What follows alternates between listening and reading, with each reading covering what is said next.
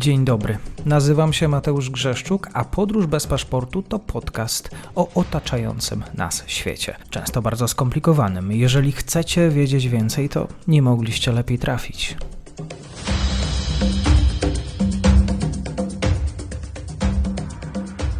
Dzień dobry Państwu, dzień dobry wszystkim słuchaczom. Wielka przyjemność, jak zawsze, spotkać się z Rafałem Michalskim. Dla Państwa również czytając po komentarzach. E, Rafale, kłaniam się, dzień dobry.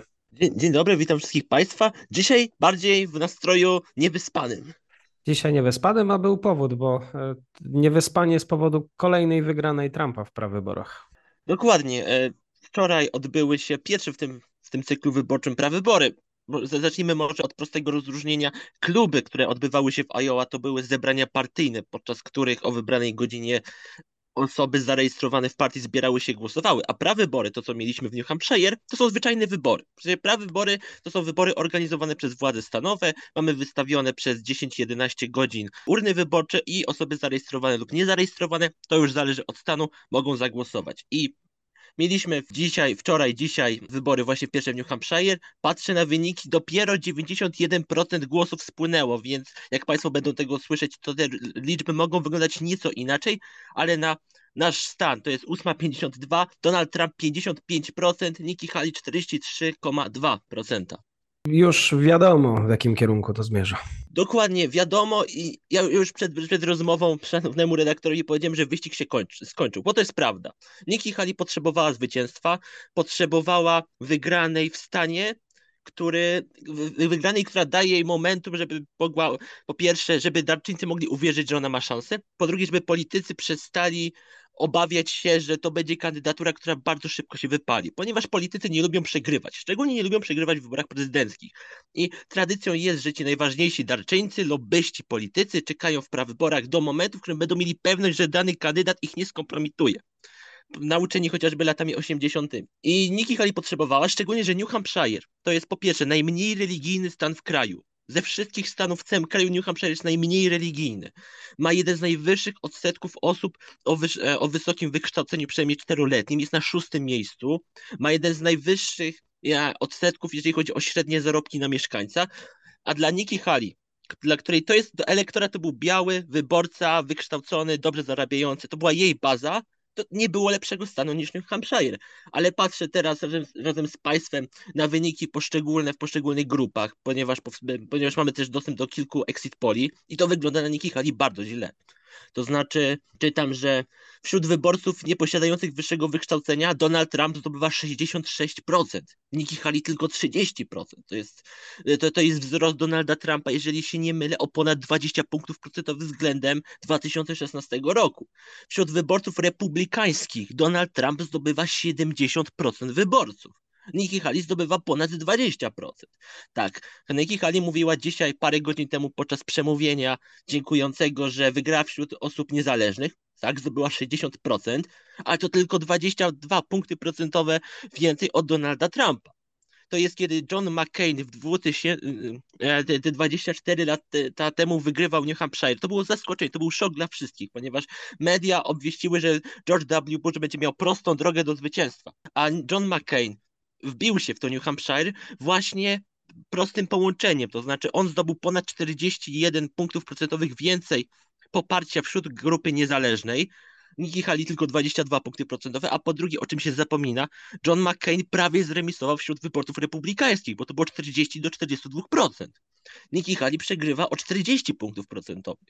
To jest to znaczy, że Donald Trump ma poparcie bardzo ogólne wśród tak naprawdę większości grup wyborców, wśród bazy wyborców, ponieważ New Hampshire nie jest reprezentatywny dla wyborców republikańskich. Iowa jest reprezentatywna. Południowa Karolina jest może nawet trochę bardziej reprezentatywna dla tego, jak możemy, jaki możemy stworzyć obraz typowego wyborcy republikańskiego. New Hampshire nie. Ale nawet w New Hampshire Nikki Haley przegrywa wszędzie, prócz tam, gdzie w ostatnich czterech cyklach wyborczych 2016, 2008 2000 oraz 96 wygrywali kandydaci umiarkowani. Nic więcej, a tak naprawdę nawet mniej. Co to oznacza dla przyszłości tego wyścigu e, o fotel prezydenta Stanów Zjednoczonych i przede wszystkim o tym, jakie wnioski powinni wyciągnąć demokraci?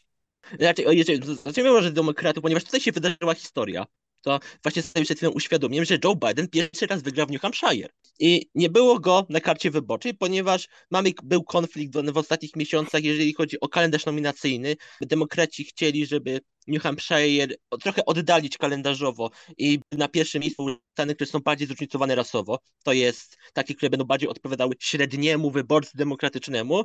A New Hampshire, to jest ciekawe, ma w swoim prawie wyborczym wpisane, że musi mieć pierwsze prawybory jako że nie udało się zmienić prawa, szczególnie, że to republikanie mają większość, i republikanie sami zablokowali reformę to New Hampshire od, e, zorganizował prawybory, ale tam nie ma żadnych delegatów, tam nie było żadnego znaczenia. Joe Biden je zbojkotował, mówiąc w kampanii wyborczej, że bardzo chętnie wystąpię tutaj, ale w listopadzie. Ale patrzy na wyniki. Kampania wpisy, e, e, wpisująca, to znaczy wolontariusze, którzy namawiali demokratów, by wpisywali nazwisko Joe Bidena na, na karcie wyborczej, zamiast głosować na Dana Phillipsa, jedynego znaczącego kontrkandydata, się udało. 51%. A Joe Biden czterokrotnie walczył o prezydenturę.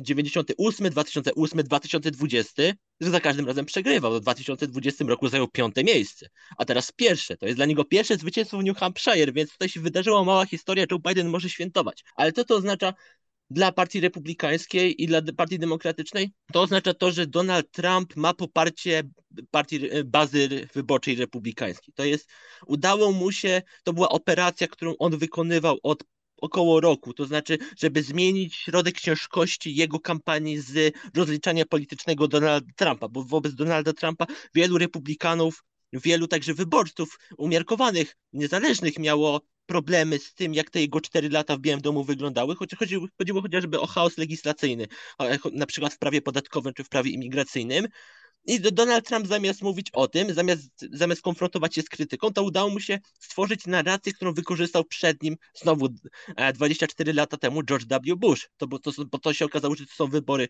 po pierwsze, czy jesteś za jednością partii republikańskiej, czy za rozwodnieniem partii republikańskiej, bo George W. Bush zrobił to samo 24 lata temu. Zrobił sobie tur po mediach lokalnych i zaczął mówić, że mogą państwo głosować na Johna McCaina, ale jeżeli państwo zagłosują na mnie, ja mam większość e, poparcia polityków republikańskich, ja chcę tą partię zunifikować, ja chcę, żeby ona była wspaniała, żeby była wspólna, solidarna i działała razem, a nie wchodziła w jakieś wojenki polityczne. I w ten sposób George W. Bush po New Hampshire spacyfikował Johna McCaina. I Trumpowi się udało zrobić dokładnie to samo. To jest, to jest człowiek, jak podczas naszej rozmowy w Iowa mówiłem, że wyborców republikańskich możemy podzielić na konserwatywnych, populistycznych, umiarkowanych i religijnych.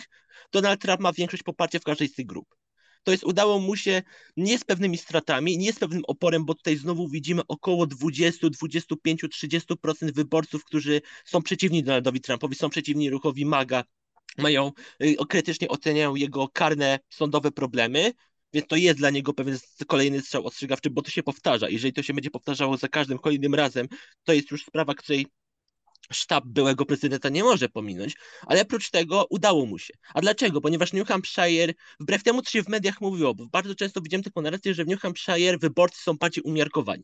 To jest prawda. To jest, oni mają bardziej umiarkowane podejście w kwestii aborcji, w kwestii czystej energii. Oni, e, tam nawet większość polityków konserwatywnych chce finansowania czystej energii. E, chcą wspierać szkolnictwo publiczne, tak, to jest umiarkowane, ale najważniejsze tematy dla wyborców New Hampshire to była po pierwsze inflacja, po trzecie imigracja, zapomniałem po drugie, po, po drugie przestępczość według sondaży, a po czwarte kryzys mieszkaniowy.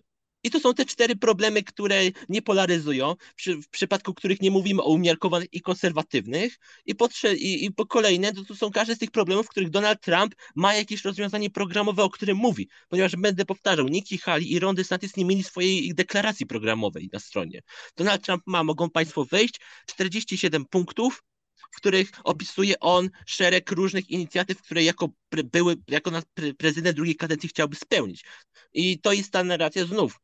Cztery lata miały być spokoju Joe Bidena, były cztery lata problemów gospodarczych, rosnącego rosnących cen energii, kosztów życia, kryzysu znowu mieszkaniowego, który jest tematem numer jeden chociażby w Nowym Jorku, w Kalifornii. My patrząc na Waszyngton możemy tego nie zauważyć, ale Amerykanie we wszystkich badaniach mówią, że ich głównym problemem, szczególnie młodych, i osób najstarszych, to jest to, że oni się obawiają, czy będą mieli gdzie mieszkać, czy nie będą musieli wracać do swoich rodzimych stanów, do swoich rodzinnych domów. Joe Biden po czterech latach, pomijając to, że nie miał legislacyjnych możliwości, żeby na to odpowiedzieć.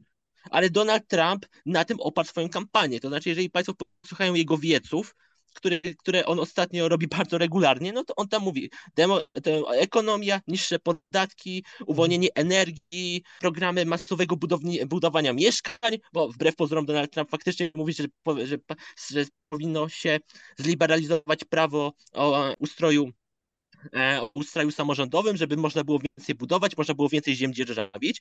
Więc to jest kandydat, który ma o wiele lepszy sztab niż 4 lata temu. To jest kolejny wniosek. To znaczy, kiedy, kiedy te 4 lata temu mogliśmy mówić, że tam w tej kampanii było dużo chaosu, było dużo takiego języka polaryzacji, który w czasie pandemii tylko go słabił, to tutaj widać, że ma ludzi, którzy zrobili badania, którzy, którzy wiedzą, jakie są główne problemy wyborcy umiarkowanego i republikańskiego i którzy tą kampanię całą skręcili właśnie pod te trzy trzy tematy. To jest imigracja, to jest mhm. gospodarka i to jest święty spokój. Tak, tak najbardziej prosto. Bardzo dziękuję za ten komentarz. E, z Rafałem Michalskim będziemy spotykać się w trakcie wyborów e, w Stanach Zjednoczonych. Rafale, bardzo dziękuję. To ja bardzo dziękuję. I teraz czekamy do Nevady i do południowej Karoliny. Nie wiemy, czy, e, czy Nikki Haley się wycofa, czy nie, ponieważ może to jest jeszcze ostatnia ważna kwestia, która będzie dzisiaj rozważana. To jest, czy Nikki Haley ma szansę, żeby wrócić? Nie, nie ma szansy, żeby wrócić, ale czy ona się wycofa? Nie musi chcieć się wycofać z prostego powodu. Kiedy będą prawybory w Nevadzie, w lutym, tego samego dnia e, odbędzie się e, wysłuchanie ustne dotyczące sprawy wy, skreślenia Donalda Trumpa z kart wyborczych na podstawie 14 poprawki sekcji trzeciej. To jest dokładnie ten sam dzień. I sztab Nikki Hali może uważać, to trochę wynika, jak się posłucha wywiadów z osobą, e, z, e, z jej rzecznikiem prasowym jej sztabu, że oni mogą uważać, że sprawy karne, które pojawią się w lutym, w marcu, osłabią Donalda Trumpa, że być może pojawi się e, zdjęcie immunitetu z Donalda Trumpa, że, że być może pojawią się jakieś dowody w sprawie próby wpływu na wynik wyborów 4 lata temu. I to może być jej strategia, to znaczy wykrwawić się, ale doczekać do marca i liczyć się, że pojawi się jakiś czynnik zewnętrzny, który osłabi byłego prezydenta. Bo bez tego to, to jest wyścig skończony. To znaczy na takich klasycznych sportowych regułach dzisiaj zobaczyliśmy metę. To znaczy Donald Trump wygrał, teraz tylko zależy, czy sam sobie nie podłoży kłody pod nogi, czy ktoś mu nie podrzuci kłody pod nogi. Chociaż tak naprawdę to sobie sam podrzucił kłody pod nogi 4 lata temu, ale tutaj sąd może mu w tym tylko pomóc. Bardzo dziękuję. Dziękuję serdecznie za odsłuchanie tej audycji. Zachęcam oczywiście do kliknięcia subskrybuj, obserwuj oraz wsparcia mojej pracy na serwisie Patronite. Do usłyszenia.